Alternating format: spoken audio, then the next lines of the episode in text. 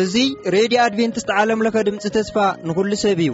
ሬድዮ ኣድቨንትስት ዓለምለኸ ኣብ ኣዲስ ኣበባ ካብ ዝርከብ እስትድዮ እናተዳለወ ዝቐርብ ፕሮግራም እዩ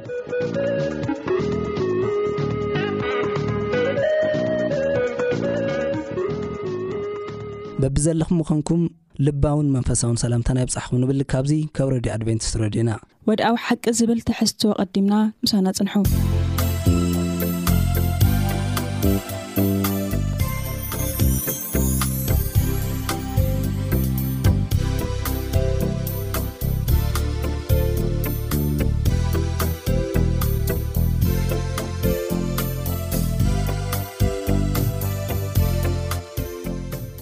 ሰላም ሰላም ኣብ በቦትኡ ኮንኩም መደባትና እናተኸታተልኩም ዘለኹም ክቡራት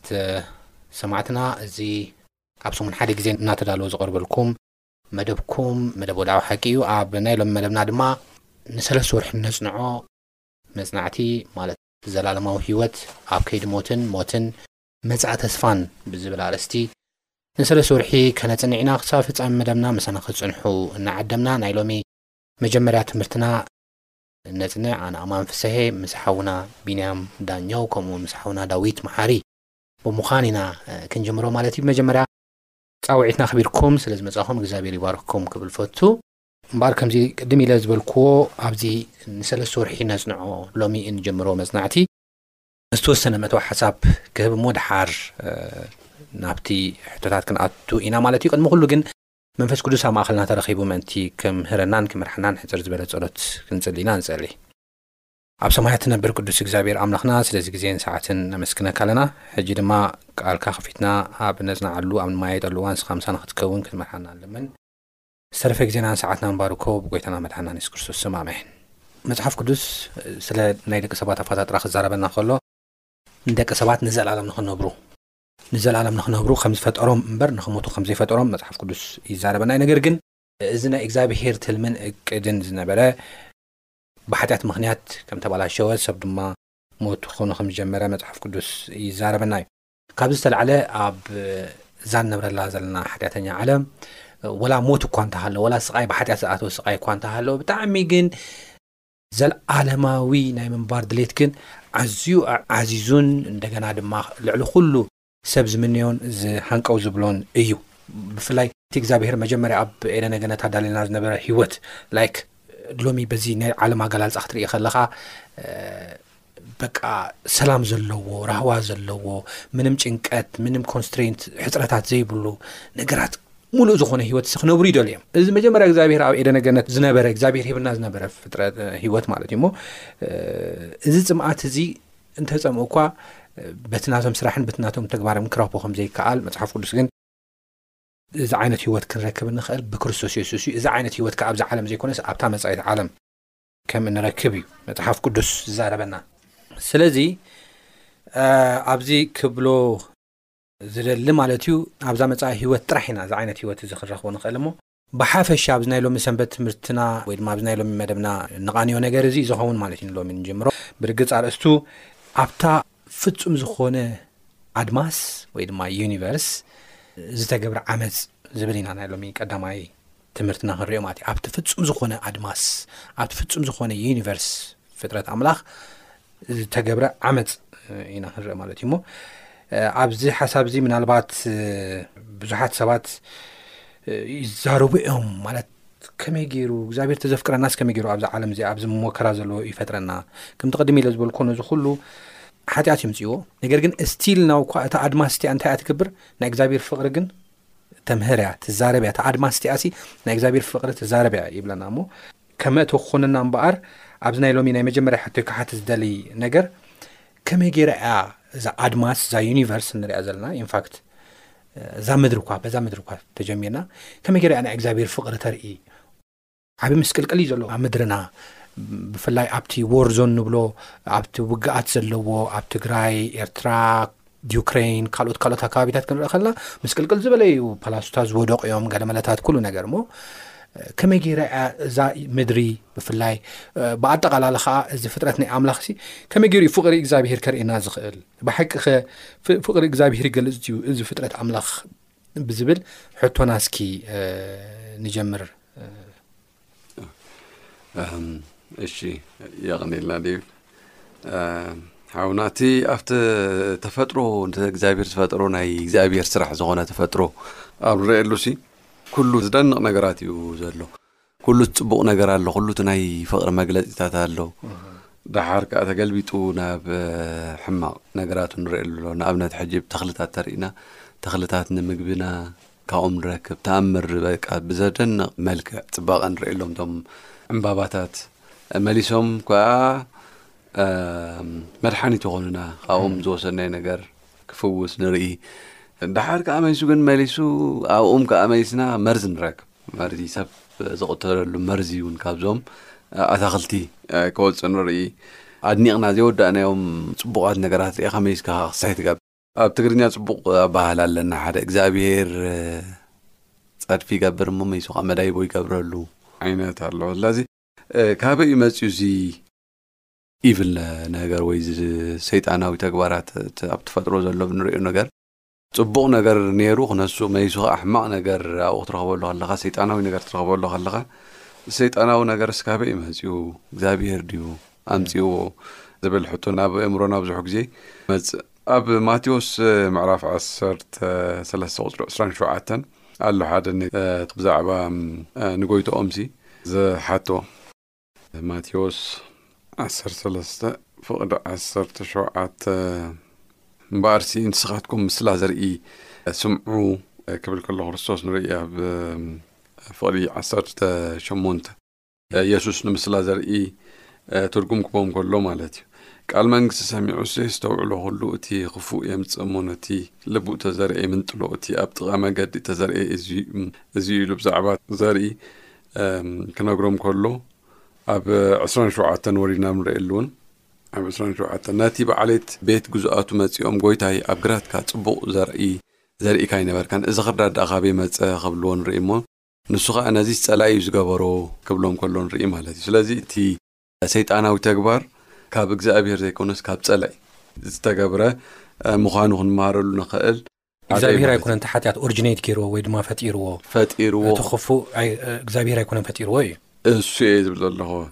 ምክንያቱ እግዚኣብሔር ፍቕሪ ከም ዝኾነ ኢና ንምሃር ኣብ ቀዳማይ ዮሃንስ ምዕራፍ 4 ሸሙንተ ኣብ ንርእየሉ እንታይ ዝብለና እግዚኣብሔር ፍቕሪ እዩ ዝብለና ፍቕሪ ምዃኑ ኢና ናይ እግዚኣብሔር ትምህርቲ ንበምሃረሉ እሞ ብዛዕባ ፍቕሪ ከኣ ከስታይ ንብሎም ንርኦም ነጥብታት ኣሎ። ሓደ ፍቕሪ ኣብ ፍቕሪ ሰይጣናዊ ተግባራት ክህሉ ኣይክእልን። እዞም ሕማቓት ነገራት ክህልዎ ኣይክእሉን እዩ ዳሕራይ ኣብ ፍቕሪ ከዓ ነብሱ ከይገለፀ ኮፍ ክብል ኣይኽእልን እዩ ፍቕሪ ኣብ ሓደጋን ኣትዩ ኮፍ ዝብል ነገር ኣይኮነን ስለዚ እዚኦም ነገራት ንሪእሎም ኢና ስለዚ እቲ መልዐሊ ናይቲ ክፉእ ኩሉ ሲ ፀላኢ እዩ ካብ እግዚኣብሔር ኣይኮነን ኣብቲ ዝቕፅል ሕቶይ ሓውና ደይቭ እሞ ሓደ ካብቲ ናይ ፍቕሪ መግለጺ'ሲ ፍሪ ዊል እንብሎ እዚ ባዕልኻ ብወለንታኻ እትመርጾ ምርጫ ማለት እዩ። እሱ'ሲ መሰረት ፍቕሪ እዩ። ማለት ሓደ'ሲ ክፈጥረካ ከሎ'ሲ ከም ምርጫኻ ኢሉ ምፍጣሩ ንባዕሉ'ሲ እዚ ምርጫና ንባዕሉ ኣይ እደሊ እየ ኣይደልን እየ፣ ክኸይድ እየ ኣይክይድን እየ ዝብል እዚ ንባዕሉ ቤዝ ገይሩ መሰረት ገይሩ እግዚኣብሄር ምፍጣሩ ንደቂ ሰባት ከምኡውን ንተፈጥሮ ንብምሉ እዚሲ መሰረት ናይ ፍቕሪ እዩ ከመይ ትሪኦ እዚ ሓሳብ እዚ ብሓቂ መሰረት ፍቕሪ ድዩ ናይ እግዚኣብሄር ብገዛእ ፍቓድካ ንክትመርፅ ምግዳፉ ንሓጢኣት ደይኮነን ኣቃሊዕና ንሽግር ደይኮነን ኣቃሊዕና ሕጂ ሓደሓደ ሰባት ሪስትሪክት ተዝኾኑ እግዚኣብሄር ምሓሸ ገለ ዝብሉ ሰባት ኣለዉ እሞ ከመይ ኢኻ ትርእዮ እዚ? እዚ ናይ ኣምላኽ ናይ ፍቕሪ መግለጺ እዩ። ከመይሲ እግዚኣብሄር ክፈጥረና ከሎ በቃ ኣብ ትሕቲኡ ማለት ክንእሰር ብዘይደለናዮ ነገር ማለት ክዕፍነና ከምኡ ዓይነት ኣምላኽ ኣይኮነን። ናይቲ ናይ ኣምላኽ መግለጺ እውን ይኹን ናይ ኣምላኽ መግለጺ ባህሪኡ ስለ ዝኾነ ነጻነት ከመይሲ እግዚኣብሄር ኣምላኽ እዚ ነጻነት እዚ ተዘይሂበና ነይሩ ኣብ ሰማይ ዝነበረ እቲ ሓደ ዝነበረ ቅድሚ ወዲ ሰብ ምፍጣሩ እቲ ዝነበረ ዓመፁን ሓደ ሰይጣን እዚ ኩሉ እዚ ንክገብር ሓደ እዚኣ ምክንያት እዚኣ ይጥቀመላ ነይሩ እግዚኣብሔር ኣምላኽ ከምዚ ፈጢርንኩም እግዚኣብሔር ኣምላኽ በቃ ንዓና ከምዚ ይደሊ ነይሩ በቃ ዘይኸውን ስብከት ተረዲካ እግዚኣብሔር ኣምላኽ በቃ ዝፋን በይኑ በቃ ንዕኦም ዘይግደስ ምዃኑ ናይ ነፃነት ኣምላኽ ከምዘይኮነ እዚ ስብከት እዚ ንብዙሕ ዓመታት ዋላ እኳ ተዘይፈለጥናዮ መጻሕፍቱ ተዘይኣቕመጠልና ንብዙሕ ዘመናት ኣብ ሰማይ ይስበኽ ዝነበረ ስብከት እዩ። ንመን? ሰይጣን ነቶም መላእክቲ እዚ ኩሉ ይዛረቦም ነይሩ። እዚ ሕቶ እዚ ድማ ነይሩ፣ እግዚኣብሄር ኣምላኽ ናይ ነጻነት ኣምላኽ ከም ዝኾነ፣ እቲ ፍቕሪ ዝኾነ ኣምላኽ እዚ ነጻነት እዚ ዝህብ ኣምላኽ ድማ ኩሉ ነገር ኣምላኽ ብነጻነት ክገብር እዩ ዝደሊ። ከነምልኾ ብነጻነት ይደሊ፣ ክንእዘዞ ብነጻነት ይደሊ። ከመይሲ እቲ ናይ ፍቕሩ ሓደ መሰረት ስለ ዝኾነ እዩ፣ ማለት ናይ ፍቕሩ መግለጺ ስለ ዝኾነ እዩ ነጻነት። እወ ግን ኣብዚኣ ደይብ ሓወይ ምናልባት ምስ ትሕቶኻ ኣብኡ ከለኻ እንታይ ሽሞ ትገብረለይ ሕጂ ኣምላኽ ኩሉ ዝፈልጥ እዩ እዎ ዲያብሎስ ሉሲፈር እቲ ዝፈጠሮ ሉሲፈር ዝበሃል መልኣክ ዓሚፁ ዲያብሎስ ከም ዝበሃል ይፈልጥ እዩ እዎ ሓደ ንምንታይ ፈጢርዎ ካልኣይ ከዓ ክፈጥሮ ከሎ ከዓ ብናይ ምርጫ ነፃነት ንምንታይ ፈጢሩ ምርጫ ከዓ ሂብዎ ንምንታይ ማለት ከም ዝዓምፅ እናፈለጠ ከምቲ ኣሽሙ ከም ዝገበረ ሲ ከመይ ትርያ እዛ ሓቶ እዚኣ ከላ ክትምልሰልና ኢለ እዩ ትክክል ኣብ ሰንበት ትምህርትና እውን እዚ ኣብ ተፃሒፉ ንርኢ ኢና እግዚኣብሔር ኣምላኽ ንዓና ጥራሕ ዘይኮነ ከምቲ ዘልኻዮ ንሰይጣን ናይ ምምራጽ ነጻነት ሂብዎ እዩ። ከመይሲ እግዚኣብሔር ኣምላኽ ናይ ነጻነት ኣምላኽ ስለ ዝኾነ እዩ። እግዚኣብሔር ንሰይጣን ከምኡ ምግባሩ ግን ሓጢኣት ንክኣቲ ስለ ዝደለየ ኣይኮነን። ሓጢኣት ንክገብር ወይ ሓጢኣት ንክኣቲ ዝገበሮ ናብ ሰይጣን እሞ ንምጻእ ናይ ሰይጣን ዝተጋግየ ስሑት ዝኾነ ምርጫ እዩ ናብ ከም ዘእትይዎ እምበር እቲ መሰረቱ እግዚኣብሄር ናነፃነት ስለ ዝሃቦ ሰይጣን ነፃነት ስለ ዝረኸበ ኣይኮነን እቲ ሓጢኣት ንክኣቲ እቲ ናይ ነፃነት ምሃብ ኣይኮነን ሓጢኣት ንክመፅእ ገይርዎ ዘሎ ከመይሲ እቲ ሓጢኣት ንክኣቲ ሓጢኣት ንክመፅእ ገይርዎ ዘሎ እቲ ሓደ ተኣዩ እንድሕር ኢልኻ እቲ ዝተውሃቦም ነፃነት ሰይጣን ዝተውሃቦ ነፃነት ብኣግባቡ ይተጠቕመሉን ብስሑት ስለ ዝተጠቕመሉ እዩ ተረዲካ እቲ ነፃነት እሱ ንባዕሉ ክዕበየሉ ኣነ ልዕሊ ኣምላኽ ክኾን እየ እቶም ብዙሓት ኣብ ኢሳያስ መጽሓፍ ኣብ ሕዝቅኤል መጽሓፍ ዝጸሓፉ ንርእዮም ትዕቢት እቲ ነጻነቱ ነቲ ናይ ኣምላኽ ዝፋን ንክምነይ ንክድለይ ገይርዎ ተረዲእካ እሱ እዩ እቲ ሓጢኣት ንክመጽእ ገይርዎ እምበር እቲ ነጻነት ስለ ዝሃበና ይኮንና ወይራዝ ናባና ድማ ናብ ደቂ ሰባት ክንመጽእ ዘለና እግዚኣብሔር ኣምላኽ ነጻነት ሂብና እዩ ንዓና እውን እዚ ነጻነት ሂብና ዘሎ እግዚኣብሔር ኣምላኽ ነጻነትና ተጥዕምና ከነምልኹ ነፃነትና ብኣግባቡ ንፅቡቕ ነገር ክንጥቀመሉ እምበር ማለት እዩ እቲ ነፃነት ስለ ዝሃበና እዚ ነፃነት እዚ እዩ ናብ ሓጢኣት ወዲዕና ምክንያት ክንብል ኣይንኽእልን ከመይሲ እዚ ነፃነት እዚ እኮ ናብ ሓጢኣት ክንኣትን ንኸይንኣትን እንታይ እዩ ንክልቲኡ ዘሴም ኦፖርቹኒቲ እዩ ዕድል እዩ ዘለዎ ናብቲ ፅቡቕ ድኣ ንምንታይ ዘይንሳሲ ንምንታይ ናብ ሕማቕ ሰብ ክኣቱ ከሎ ነጻነት ስለ ዝረኸቡ ኢየ ካብ ዝብል ጽቡቕ ሓቶ ኣሎ ድማ እሱ ክርደኦ ከሎ እና እግዚኣብሔር ኣምላኽ እዚ ነጻነት እዚ ሂብና ዘሎ ባዕልና እዚ ነጻነት እዚ ክንለማመዶ እዚ ነጻነት እዚ ድማ ከም ናትና ድሌት ወሳኒ እዩ ተረዲእካ እዚ ነጻነትና እዚ ብሰላም ክንጥቀመሉ ከመይሲ ሕጂ ንኣብነት ንውሰድ እሞ እግዚኣብሔር ኣምላኽ ክዛረብ ከሎ ኣብ ቃሉ እንታይ ይብል ሰብ ክልተ ጎይተት ይግዛእን ይብሎ ዶ ንኣምላኽ ይግዛእ ወይም ድማ ንገንዘብ ይግዛእ እዚ እውን ነፃነት እዩ እዚ ነፃነት እዚ ንሕና እግዚኣብሔር ዝሃበና ዕድል እዩ ሓዲ ክንመርፅ መፅሓፍ ቅዱስ ድማ ክዛረብ ከሎ ታበና ቃሉ ድማ እግዚኣብሔር ኣብናኽ ድማ ግን እቲ ትክክለኛ መንገዲ ግን ኣሚጥልና እዩ እንታይ ክንክተል ከም ዘለና ልክዕ ሓደ መምህር ንተምሃሩ ከምህር ከሎ ያው የምህሮም ሞ ድሕሪ ፈተና ይፍትኖም ይኮነ እንድዩ ፈተና ክፍትኖም ከሎ እዞም ተምሃሩ እንታይ ገብሩ እቲ መምህር ክፍትኖም ከሎ እቲ ክፍተንዎ ዝኽእሉ ነገራት ብዛዕባ እንታይ ምዃኑ ከመይ ምዃኑ የምህሮም እዩ ኤግዛክት እዚያ ፈተና እዚኣ ዝሓቶ እዚኣ ክትመፅእ እያ ዋላ እኳ ተዘይበለ ይፍትኖም እዩ ማለት የምህሮም እሞ ይፍትኖም እዩ እዚ እዚ ከምዚ ኢሉ ልክዕ እግዚኣብሔር ኣምላኽ ድማ ንዓና ዘቕምጠልና ዘሎ እንታይ እዩ የምህረና እሞ እዚ ከምዚ ከምዚ ከምዚ ሕማቕ እዩ እዚ ይጎዲ እዩ እዚ ፅቡቅ ኢሉ የቕምጠልና እዩ እግዚኣብሔር ኣምላኽ ግን ድማ እቲ ነጻነት እቲ ናይ ምምራጽ ነጻነት ድማ ንዓና ሂቡና እና ፈጽር ኣቡሎ እንታይ እዩ እግዚኣብሔር ኣምላኽ እዚ ነጻነት እዚ ዝሃበና እንዲያውም እግዚኣብሔር ከመይ ዝበለ ናይ ነጻነት ኣምላኽ ፍቕሪ ምዃኑ እግዚኣብሔር ኣምላኽ ፍቕሪ ምዃኑ ከነረጋግጸሉ ንኽእል ሓደ ዕድል እዩ ብግዴታ ዘይኮነስ ፎቲና ንገብሮ ነገር እውን ስለ ዝኾነ ማለት እዩ እግዚኣብሔር ይባርኽካ ሓውና ዳዊት ብጣዕሚ ዝገርም እዩ እዚ ናይ ምርጫ ነጻነት ብጣዕሚ ሰፊሕን ኣዝዩ ድማ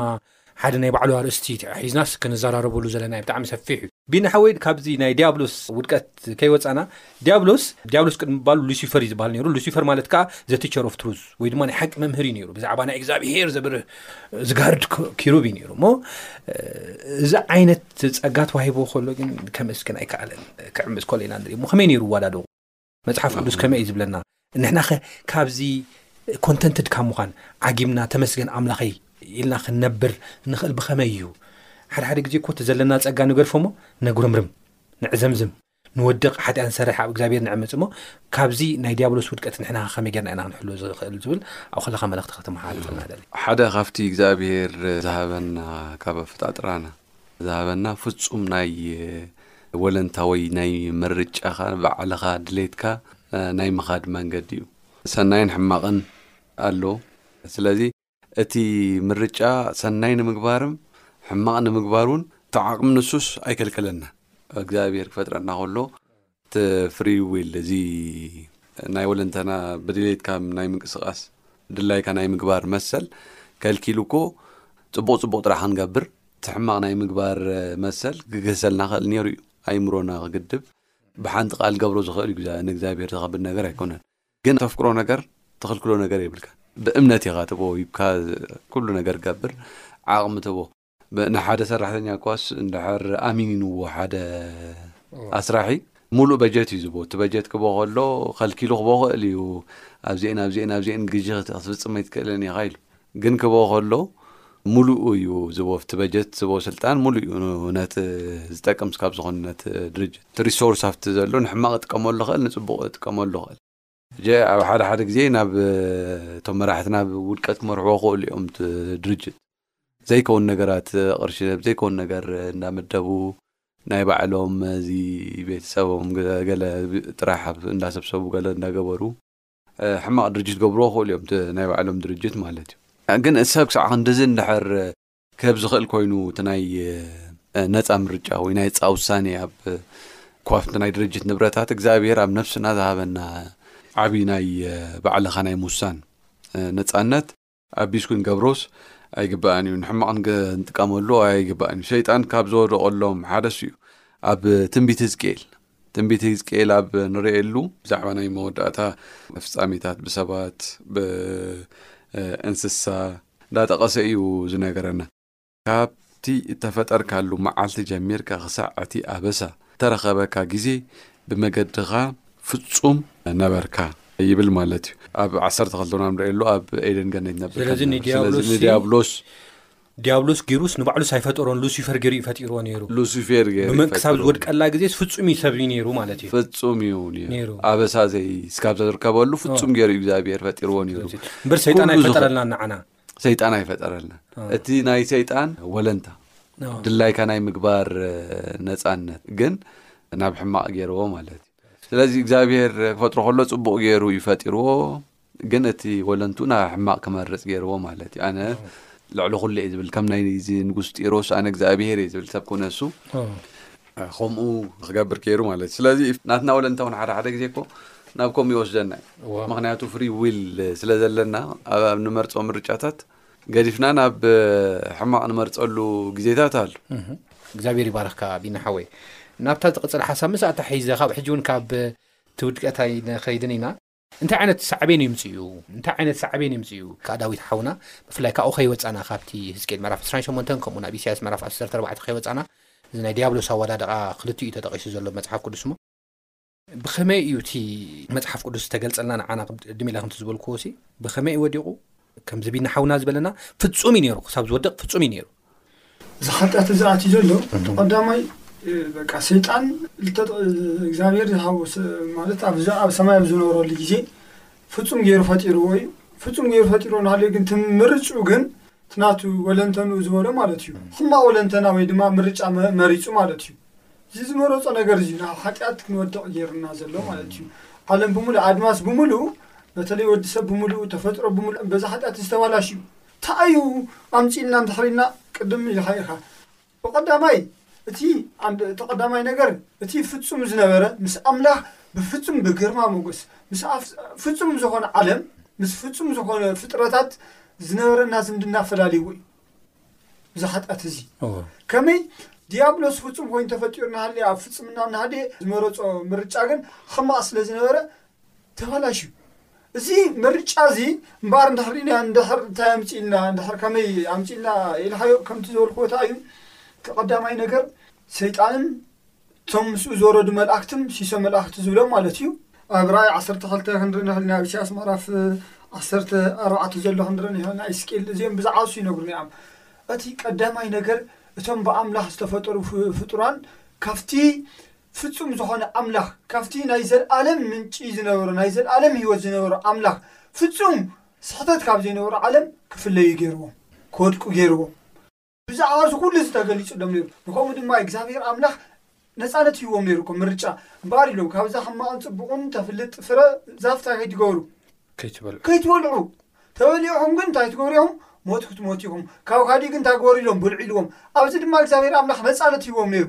ግን እዚ ነጻነት እዚ ስለ ዘይተጠቕምሉ ንሳቶም እውን እንታይ ዓይነት ውድቀት ኣምጺእሎም ንብል፣ ካብ ኣምላኽ ፈልይዎም፣ ካብቲ ኩሉ ሻዕ ናይቲ ብርሃን ኣምላኽ ዘርዩሉ ነበሩ። ናይ ኣምላኽ ድምፂ ምስማዕ ጥራሕ ዘይኮኑ ዘዘራርብሉ ዝነበሩ ኣምላኽ ካብ ኣምላኽ ፈልዎም እሱ ጥራሕ ድማ ኣይኮነን ክሸማዓቑ ገይርዎም ስነ ልቦናዊ ናይ ኣእምሮ ማሕበራዊ ችግር ኩሉ ኣምፅኢሎም ከመይሲ ኣካላዊ ችግር ኣምፅኢሎም ሓጢኣት እንታይ ገይርዎ ኣባላሽዎ ማንነትና ትፍፁም ዝነበረ ማንነትና ኣባላሽዎ ብኻልእ ኣባህላሲ እቲ ኣብ ውሽጢ ዲያብሎስ ዝነበረ ዘይምእማን ናይ ምዕባይ መንፈስሲ ተስፋሕፊሑ ሰፊሑውን ናብ ደቂ ሰባት እውን ወዲቑ ናብ ካልኦት ውን መላእኽቲ ውን ወዲቑ እዩ ሰፊሑ ስለዚ ሲምፕል ግጭት ኣይ ኮይኑስ ኣይተረፍንቲ ግጭት ትክክል ቀሊል ግጭት ኮይኑ ተረፍ ብጣዕሚ ኣብ ሰማይ እውን እኮ ቀሊል ግጭት ኣይነበረን ይብለና ኣብ ሰማይ እውን ቀሊል ግጭት ኣይነበረን ናብ ምድሪ ወሪዱን ተሪኦ ኣለካ እዚ ኦልሞስ ኣብ ምድርና ልዕሊ ሸውዓተ ነጥቢ ምናምን ቢልዮን ህዝቢ ኣሎ ይበሃል ኣብዚ ዘለናሉ ዓለም ከመይ ንነብር ኣለና ከቢድ ዝኾነ ዓለም እዚ ግጭት እዚ ብጣዕሚ ብከቢድ ኩነታት ነይሩ ቀሊል ግጭት ኣይነበረን ኤን ወይ ግን ዳሓር እንታይ ኮይኑ ኣዳምን ሂዋንን ካብ ዝፍጽሙ እዚ ፈልይዎም ካብ ዝፍጽምና እዚ እዚ ኣእምሮኦም ተጎዲኡ እ፣ ብዓይኖም ርእዮሞ ዘይፈልጡ ሓጢኣት ክርእዩ ጀሚሮም እዚ ሓጢኣት እዚ መገዛእ ደቅም ቃኤል ንኣቤል ክቐትሎ ተሎ ንርኢ ከቢድ ዝኾነ ሓዘን ኣምጺእሎም ሓዘን። እዚ ሓጢኣት ናብዚ ምድሪ እዚ ምምጽኡ ብብዙሕ ናይ ተፈጥሮ ንርኢ ኣለና ሐዚ ዕምበባታት ክረግፉ ተለዉ ተፈጥሮ ኩሉ ተባላሽ ንርኢ ኣለና ኣብ ተፈጥሮ ኣባና ኣብ ደቂ ሰባት እዚ ዓይነት እዚ ጸገማት ፈጢርና እምበኣር ሕጂ ድማ ንዓና እውን ኣዳምን ሂዋንን ጥራሕ ኢልና ክንዛረብ ዘይኮነ ኣብዚ ሕጂ ዘለና ንሕና እውን ናይ ሓጢኣት ውጽኢት ሕማቕ እዩ።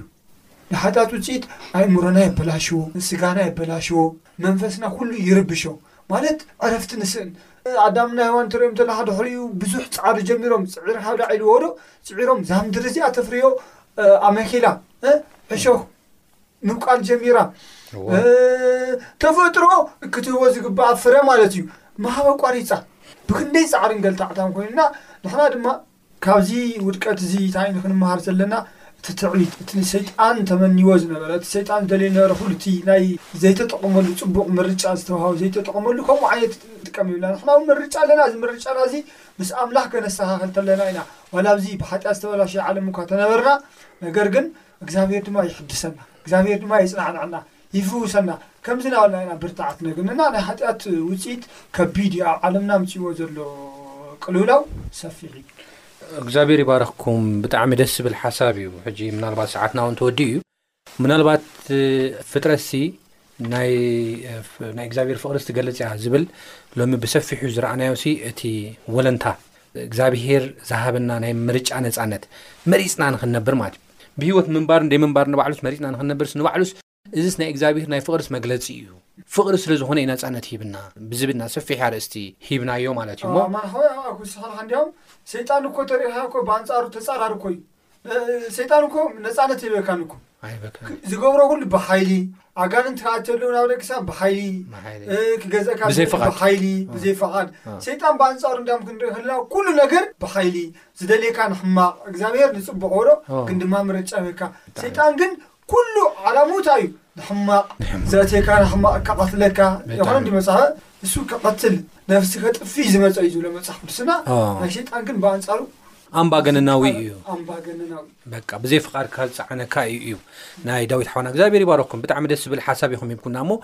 ካብዘን ዝተማሃርናየን ኣነ ዝተማሃርክወን ምናልባት ሓንቲ ደቓ ክህበኩም እየ ዝተማሃርኩመን ሸር ክትገብሩኒ ኢኹም ኣነ ብኣይ ክጅምር እሞ ኣነ ዝተማሃርክዋ እንታይ መስለኩም ተቐዳማይ ዝተማሃርክዋ ኣነ እንታይ እዩ እግዚኣብሄር ሲ ዝጸገወና ጸጋ ኣሎ ብጸጋ ከቢብና ኣሎ ጥዕናና ክኸውን ይኽእል ገለ መለታት ልክዕ ሉሲፈር ተኣሽሙ ኣመስገንቲ ክንከውን ኣለና እግዚኣብሄር ጸገዎ ብጸገዎ ጸጋ ዝሃቦ ጸጋ ብዘይ ምርድኡ እንታይ ገይሩ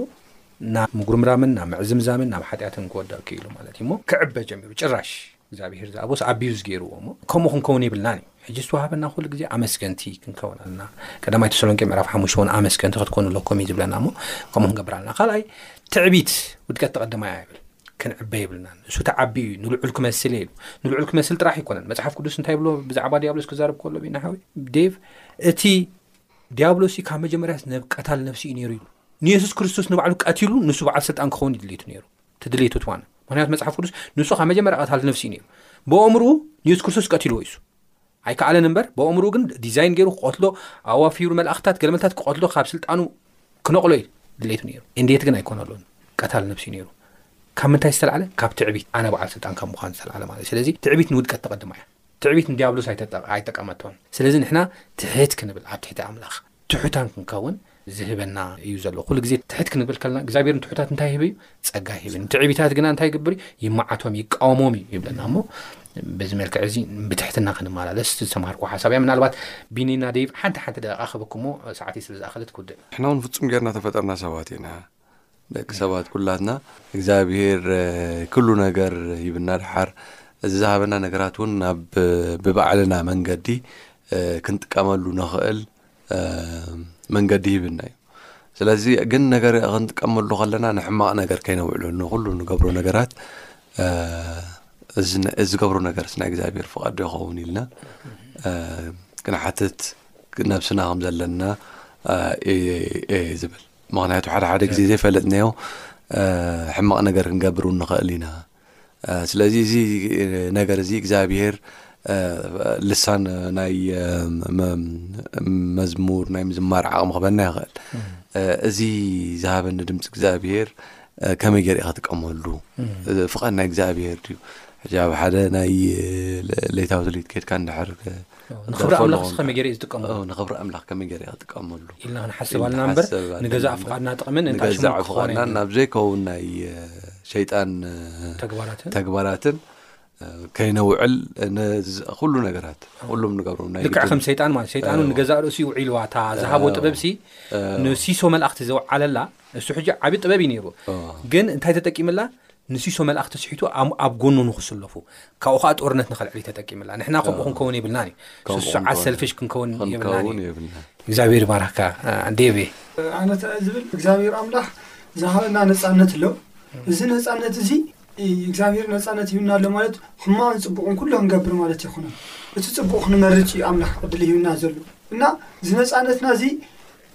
ናብ ፅቡቕ ክንጥቀመሉ እዚ ወለንተናና ዝበሎ ናብ ፅቡቕ ማለት ክንጥቀመሉ ክንክእል ኣለና ካልኣይ እንታይ እዩ ኣብዚ ንነብረሉ ዓለም እዚ ድማ ብጣዕሚ ብዙሕ ነገራት ኣሎ ሕጂ እቲ ሓጢኣት ምርኣይ እቲ ክፍኣት ምርኣይ እቲ ውድቀት ምርኣይ ዘይኮነ ዘድልየና ኣብኡ ውሽጢ ዘሎ እቲ ሰናይ ነገር ምርኣይ ድማ የድልየና ከመይሲ እዚ ከምዝኾይኑ እዚ ከምዝኾይ መፅሓፍ ቅዱስ ኢሉ ዓንቶ እዩ ማቴዎስ ናበለና ነይሩና እንታይ ብል መፅሓፍ ቅዱስ ንጎይታ ሓተሙ ጎይታ ፅቡቅ ዘርኢ ዘርኢ ዶ ኣይዘረኣኻን ኢሎሞ እወ ጽቡቕ ዘርኢ ዘርኢ እዚ ሕማቕ እዚ ሕማቕ ዘርኢ እዚ ዕሾኽን ኣሚኺላ እንዳ ካበይ መጺኡ ደሞ እሳ ድማ ሰይጣን ዘርእዋ ኢልዎ እና ኣብዚ ዝነብረሉ ዓለም እዚ ከምዚ ዓይነት ጽቡቕ ነገራት እናሃለየ ሕማቕ ነገር እውን ነቲ ሕማቕ ነገር ሰይጣን ከም ዝዘርኦ ክንርዳእ ክንክእል ኣለና ሓንቲ ነገር እንታይ ክብሉ ይደሊ እዚኣ ሓደ ሓደ ሰባት እንታይ ኢሉ ክዛረቡ ከለዉ ካብ ሰማዕኽዎ ኣወንታዊ ዝኾነ ሰባት እንታይ ይብሉ መሲልካ ሓንቲ ብርጭቆ ማይ? ማይ ዝጎደለታ ብርጭቆ ኦ፣ ኣወንታዊ ሰባት ክንድምንታይ ዝኣክል መሊኣ ኣላ ይብሉ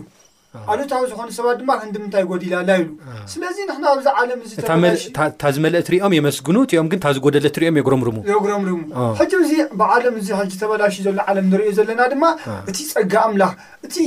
ሓጢኣት ውድቀት ዮሃና ክርኢ ዘለና እቲ ዓብዪ ነገር እንታይ እዩ ልዕሊ ኩሉ እቲ ካብ ሰማይ ወሪዱ ዝሞተልና ክርስቶስ ምርኣይ ድማ የድልና ካብኡ ዝበልፅ ፍቕሪ የለን እግዚኣብሔር ይባርክኩም ክብራት ሰማዕትና ኣብ ዝነበረና መደብ ከም ተባረኩም ተስፋ ንገብር ንዘለኩም ሕቶ ወይ ርእቶ በቲ ልሙድ ኣድራሻና ናብ ዓለም ለኸ ኣድቨንስ ሬድዮ ድምፂ ተስፋ ንኹሉ ሰብ ቁፅሪ ሳፅን ፖስታና 145 ኣዲስ ኣበባ ኢትዮጵያ ወይ ድማ ብቁፅሪ ስልክና 0911145105 ከምኡውን ብ ዜሮ ትሽዓተ ዕስራን ሓደን ሰማንያን ሸሞንተን ኣርባዓን ትሽዓተን ዓሰርተ ክልተ ወይ ድማ ብናይ ኢሜይል ኣድራሻና ቲኣይጂ ሶንግ ኣት ጂሜይል ዶት ኮም ኢልኩም ክለኹና እናዘኻኸርና ኣብ ዝቕፅል ብካልእ ክሳብ ንራኸብ ሰሰናዩ